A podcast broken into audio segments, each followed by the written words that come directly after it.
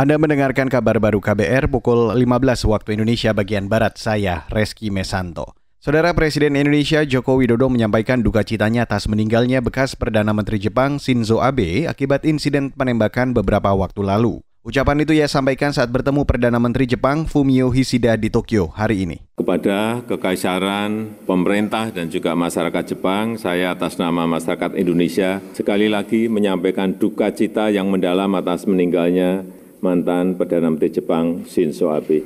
Presiden Jokowi menambahkan Shinzo Abe merupakan pemimpin Jepang yang telah membawa kemitraan strategis terhadap hubungan Indonesia dan Jepang. Jokowi juga mengucapkan terima kasih atas sambutan hangat Perdana Menteri Hisida kepadanya dan para delegasi.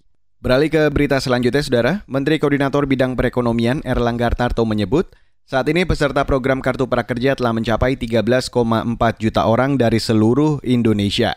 Dikutip dari Antara, Erlangga mengatakan peserta Kartu Prakerja sangat beragam, mulai dari anak muda, orang tua, dan kelompok disabilitas dari berbagai jenjang pendidikan. Lebih lanjut, Erlangga mengatakan program Kartu Prakerja yang digagas selama pandemi ini akan terus dilanjutkan untuk membangun angkatan kerja yang lebih cakap dan bisa bersaing. Saudara Kementerian Pemberdayaan Perempuan dan Perlindungan Anak memperkenalkan model pesantren ramah anak di Banyuwangi, Jawa Timur.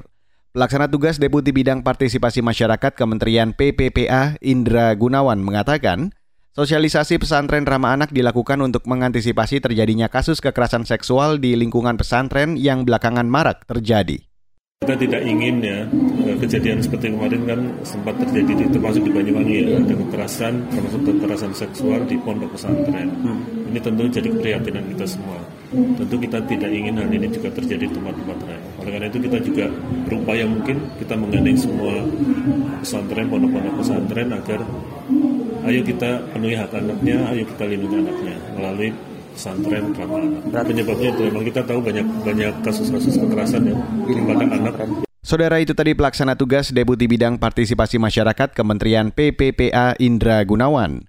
Sementara itu, Kepala Dinas Sosial Pemberdayaan Perempuan dan Keluarga Berencana Banyuwangi, Henik Setiorini mengatakan, PMK Banyuwangi akan juga menggandeng Fatayat Nadatul Ulama dan elemen lainnya untuk mewujudkan pesantren ramah anak di kabupaten itu. Dan saudara, Demikian kabar baru, saya Reski Mesanto.